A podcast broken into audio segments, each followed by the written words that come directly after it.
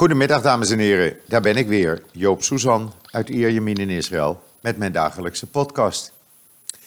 Ja, laten we het eerst maar eens even over het weer hebben, want de storm die nu of strakjes over Nederland raast, die hebben wij gisteren gehad.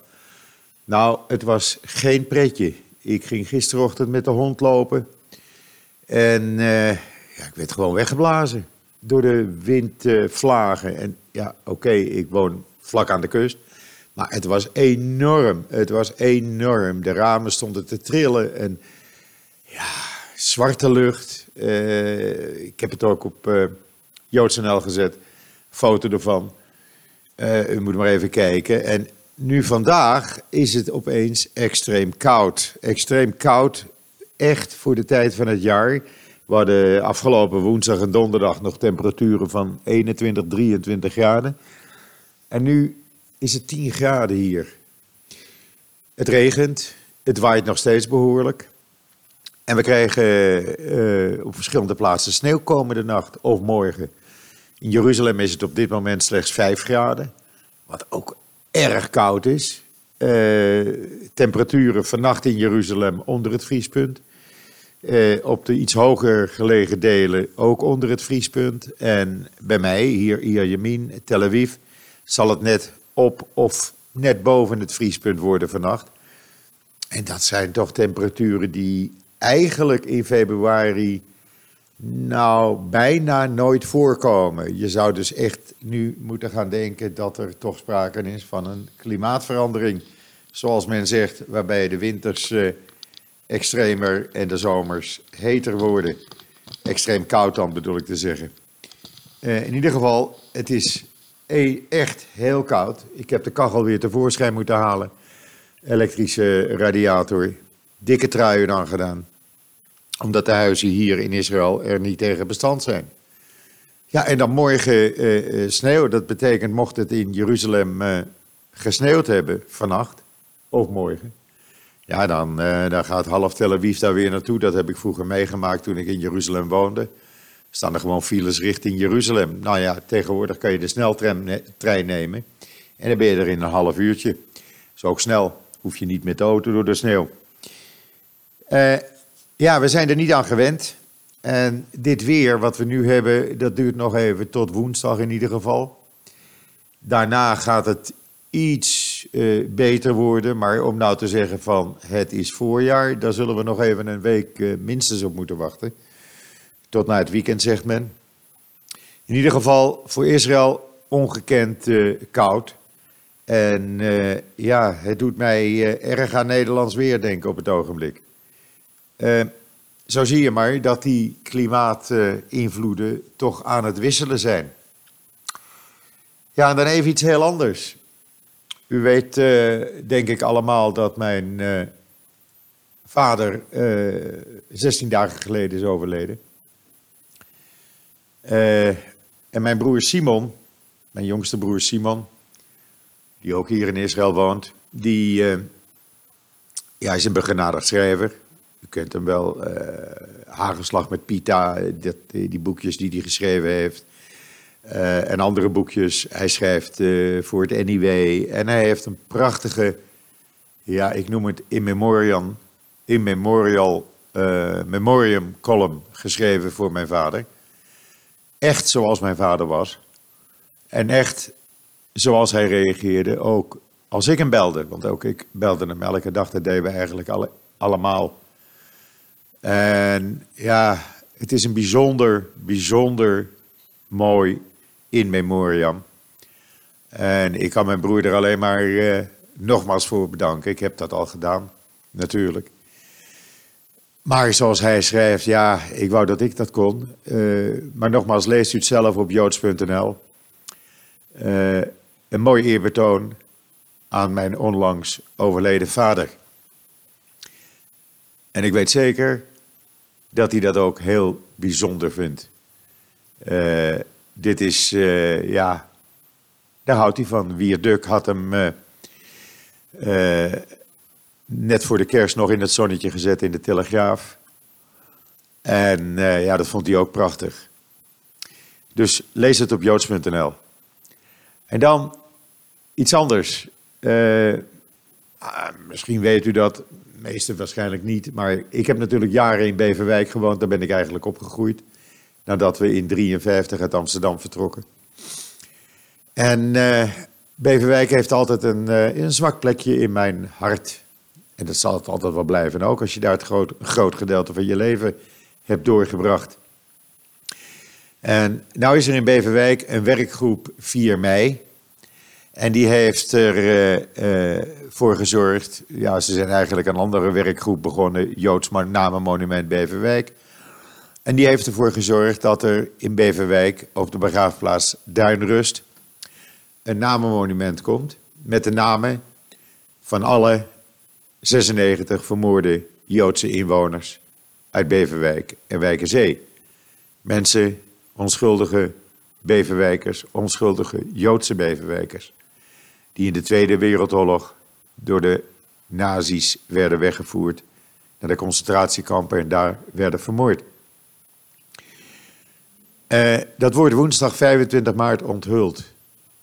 En ik vind eh, dat heel bijzonder. Ik vind dat heel bijzonder dat men dat doet. En ik heb daar meer dan grote waardering voor. Uh, het zijn een aantal mensen die dat hebben gedaan, die dat voor elkaar hebben gekregen. Dat is uh, Mark Hayé, Jan van der Linden, Jackie de Vries en Wim Spruit. En ik hoop erbij te zijn. Ik, ik, maak het plan om er toch naartoe te gaan. En uh, daar woensdag 25 maart bij aanwezig te zijn als dat namenmonument wordt onthuld. Een heel bijzonder initiatief, wat ik alleen maar kan toejuichen. Ja, en dan even wat Israëlisch nieuws, of nieuws uit Israël, zoals dat heet. Uh, meneer Olmert heeft uh, vanmorgen laten weten, u weet meneer Olmert die gaat waarschijnlijk, of dat is vrijwel zeker, met Barak gezamenlijk een, uh, nee met Abbas, sorry, met Mahmoud Abbas, de Palestijnse president, zullen we maar zeggen, een gezamenlijke persconferentie dinsdag geven in uh, New York bij de Verenigde Naties. En hij heeft nu gezegd dat uh, Netanyahu eigenlijk tegen het Amerikaanse vredesplan voor het Midden-Oosten is. Dat zijn de woorden van voormalig minister-president Olmert. Hij zegt: Ik ben helemaal niet tegen de president van Amerika, Trump. Hij zegt: Ik, uh, ik ben voorstander van vrede. Hij zegt maar: Netanyahu wil geen vrede en is tegen het Trump-plan, omdat uh, ja, er komt een twee-staten-oplossing uit. En dat willen de meeste kolonistenleiders niet. En vandaar dat Netanyahu daar ook tegen is. Nou valt het wel op, je hoort Netanyahu eigenlijk de laatste weken niet meer praten over uh, het plan van, uh, van Trump. Je hoort hem alleen maar praten over annexatie. En ook daar heeft hij nu een probleem mee. Want hij heeft vanmorgen bekendgemaakt dat hij uh, voorbereidingen maakt of mappen laat tekenen, kaarten laat tekenen uh, ter voorbereiding van de annexatie zodra hij weer herkozen is als minister-president. Maar de Amerikaanse ambassadeur in Israël heeft vanmorgen gezegd: Hé hey jou, eventjes pas op de plaats, geen plannen maken, geen annexatie, niets daarvan. We wachten totdat uh, de gezamenlijke commissie van Israëli's en Palestijnen, die kijkt naar de mappen, uh, daar een besluit over hebben genomen. Uh, dat is een Israëlisch-Amerikaans comité. En elke unilaterale stap die jij neemt, die is tegen, die brengt het vredesplan in gevaar. Dus wij willen niet dat je je daarmee bezighoudt. Nou, dat is even een, terug, een domper, om het zo maar eens te noemen. Want ja, David Friedman, de Amerikaanse ambassadeur, staat bekend als een vriend van de settlements van de leiders van de settlement, kolonisten. Uh, en dat hij deze kritiek uit, dat is naar mijn idee iets wat hard aangekomen is dan bij Netanyahu. Dat kan niet anders.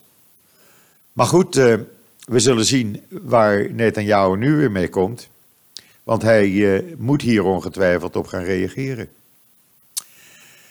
En dan, ja, dan hebben we die, die agricultuuroorlog, oftewel de groente, fruit en vleesoorlog tussen Israël en de Palestijnen. Hoe is dat nou ontstaan? Nou, dat is een aantal weken geleden ontstaan toen uh, Abbas verbood de import van Israëlische kalveren om geslacht te worden. Uh, dat wilde hij niet meer. Daarop heeft uh, minister Bennett van Defensie, die daarover gaat, besloten om geen Palestijnse groente en fruit meer toe te laten. Dat heeft ertoe geleid dat Abbas hetzelfde doet, geen Israëlische groenten en fruit. Dat heeft ertoe geleid dat Abbas plannen maakte en ging eh, exporteren, meer exporteren naar Jordanië. Wat er vanmorgen weer heeft geleid tot een blokkade van Israël op last van uh, Naftali Bennett. Zodat de Palestijnen ook niet naar uh, Jordanië kunnen exporteren. Ja, dan moeten ze het allemaal zelf opeten, maar daar het even te veel voor natuurlijk, al die groente, fruit en vlees. Uh, hoe dat verder afloopt, ik ben bang dat het een escalatie is die niet goed is. En uh, ja, ik durf daar geen voorspelling over te doen. Inmiddels is er ook een ruzie ontstaan tussen Israël en België. En dat loopt ook een beetje uit de hand. België is voorzitter van de eh, VN-veiligheidsraad deze maand. En die hadden uitgenodigd ene meneer Brad Parker. Meneer Brad Parker is senior adviseur voor beleid en belangenbehartiging voor kinderen in Palestina, de DCIP. Maar die DCIP die heeft weer banden met de BDS en die heeft banden, uh, erg nauwe banden zelfs, met het Volksfront voor de Bevrijding van Palestina, oftewel de PFLP. Uh, deze meneer Parker was ook uh, de drijvende kracht achter de pro-BDS-wetgeving. Die werd geïntroduceerd in Amerika door een lid van de Democratische Partij, een mevrouw Betty McCullum. Uh, ja, en zo heeft hij nog meer anti-Israël zaken op zijn lijstje staan. Bijvoorbeeld een aantal op zijn instigatie ingediende anti-Israël resoluties bij de VN.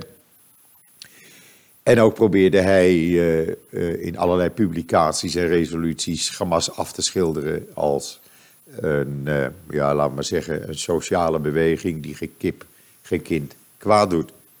Ja, logisch dat Israël toen kwaad werd en de plaatsvervangend ambassadeur in Israël op het matje moest komen. Dat schoot weer in de verkeerde keelgat bij België, die daarop de Israëlische ambassadeur uh, in België op het matje riep en uh, de huid vol schold, laat ik het zo maar zeggen. Waarop uh, meneer Danny Danon, de Israëlische ambassadeur bij de Verenigde Naties, hierover weer ging tweeten. En nou ja, zo liep dat hele zaakje uit de hand. En hoe dat nu verder moet, ik weet het niet. Maar zo is er weer een ruzie ontstaan. Ja, zullen we maar zeggen, eh, eh, door verkeerd handelen van België. Eh, en niemand die even nagedacht heeft.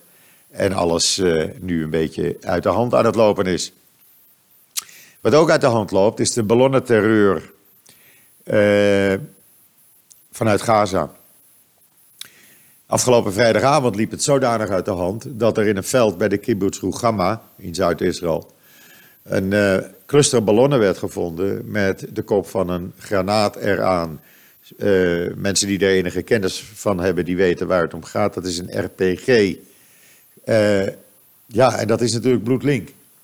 er kwamen ook clusters ballonnen neer gisteren en vrijdag op verschillende andere plekken in Zuid-Israël, waaronder de snelwegroute 3, die naar het zuiden loopt, uh, uiteindelijk richting Eilat. En uh, die moest zelfs worden afgesloten. Uh, in dat artikel op joods.nl kunt u ook lezen dat het Homefront, een onderdeel van de IDF, een speciaal gedicht heeft laten maken voor de kinderen in Zuid-Israël. Zodat ze op moeten passen, zodat ze weten dat ze die ballonnen niet moeten aanraken en snel moeten weglopen en de politie of hun ouders waarschuwen. Vertaling van dat gedicht staat ook op joods.nl. Uh, er was gisteren nog een uh, vals alarm. Uh, gelukkig maar een vals alarm. ja, wat hebben we nog meer? Buiten de kou, buiten de ruzies, buiten ja, alles wat hier aan de gang is. Want er is gewoon veel aan de gang. Nou, er was een Palestijnse minister. En die vond het nodig om het vredesplan de smerigheid van de eeuw te noemen. Ja, je laat maar aan alle kanten blijken als Palestijnse leiders dat je gewoon geen vrede wil. En dat kan je maar beter duidelijk maken, zodat iedereen dat weet. Uh, natuurlijk gaan ze dan weer met Allah uh, in de weer en die roepen ze erbij. En nou ja, uh, niemand mag dan het vredesplan positief beoordelen. imams werden gewaarschuwd het vredesplan in hun preken te veroordelen alleen maar. Ja, als je op die manier tekeer gaat, dan bereik je nooit vrede. En ik weet niet of dat nou echt zo goed is voor de bevolking. ik denk dat de bevolking, als je het mij vraagt, willen de meeste Palestijnen gewoon vrede. En die willen af van dit hele gedoe.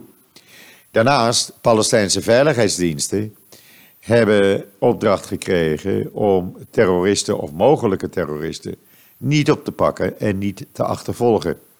Ook dat kunt u lezen op joods.nl. Er zit ook een video bij waarin het gezegd wordt door uh, meneer Tirawi.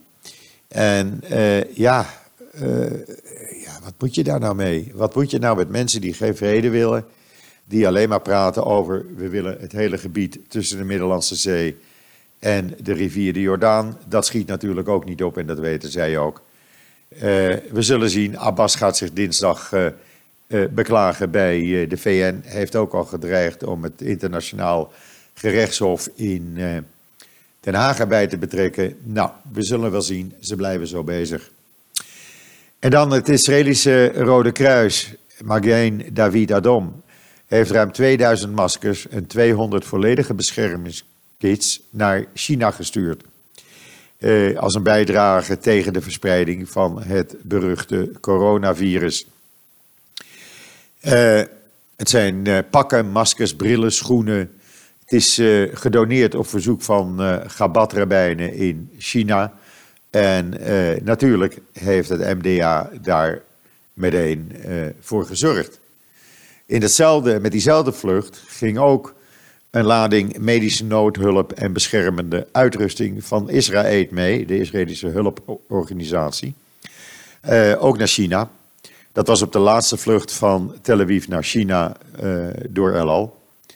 En uh, ja, ook zij proberen op deze manier hun steentje bij te dragen om te zorgen dat die, dat virus bedwongen wordt. Wat ik dan niet weer begrijp, is dat er vanmorgen een bericht stond hier in de Israëlische pers. Over een groep soldaten uit een niet nader genoemd Aziatisch land. Maar wel een land wat zeer ernstig getroffen zou zijn door het coronavirus. En die soldaten zijn vanmorgen hier aangekomen om een paar weken te gaan oefenen met de IDF. Dan kan je je afvragen, ja, als je dan niet meer vliegt tussen de uh, China en andere landen waar het coronavirus huishoudt. En je probeert het coronavirus buiten de deur te houden, dan moet je niet die soldaten binnen laten komen die misschien uh, dat virus onder de leden hebben en dan over een paar dagen uh, is Israël besmet. Daar zit toch echt niemand op te wachten. Ik kan dat niet volgen. Ze zijn zo slim, sommige mensen, maar dan doen ze zulke domme dingen. Daar kan Joop even met zijn pet niet bij. Maar ja, goed, wie ben ik om me daar verder in te, in te bemoeien. Ik zou zeggen, ze doen maar. Ik zorg, uh, zodra er een nieuwe voorraad is, dat ik in ieder geval een monddoekje in huis heb. Zo'n maskertje. Want uh, ja, veel mensen lopen nu te hoesten en te proesten en te kuchen door die kou. En ja, daar kom ik weer waar ik begonnen ben, de kou. ja, vanavond ook mijn extra deken op bed leggen. En hopen dat het huis niet al te koud wordt. Want nogmaals, ja, de huizen hier in Israël zijn niet tegen dit soort kou uh, gebouwd. En uh, de kou zoals die buiten is, is bijna binnen als je de kachel er niet bij aanzet. Maar goed, we zullen zien. We overleven het wel. En hopelijk met een dag of drie, vier is het ergste achter de rug. Ja, dan ben ik alweer uh, aan het einde zo'n beetje van mijn drie maal per dag, per week gemaakte podcast. U weet, de volgende is dan nu weer uh, komende dinsdag. Uh, dat heeft alles te maken met het feit dat ik probeer zo, uh, zoveel mogelijk aan u door te geven van hoe wij leven, hoe het leven hier is, wat er gebeurt. Natuurlijk, u kunt het op JoodsNL lezen. Maar ja, er is niet te veel nieuws. We krijgen natuurlijk op 2 maart de verkiezingen. Peilingen tot nu toe wijzen uit dat dat veel van hetzelfde zal zijn. Dus niemand zal verbaasd zijn als er daarna wordt besloten een vierde ronde van verkiezingen te maken. Dus heeft Israël nog steeds geen regering en zitten we met een demissionair kabinet. Goed, dat was uh, de podcast dan voor vandaag. Uh, rest mij u nog een hele fijne voortzetting van deze zondag, de 9e februari, toe te wensen. Blijf lekker binnen. Het waait. En wat mij betreft, tot ziens. Tot dinsdag.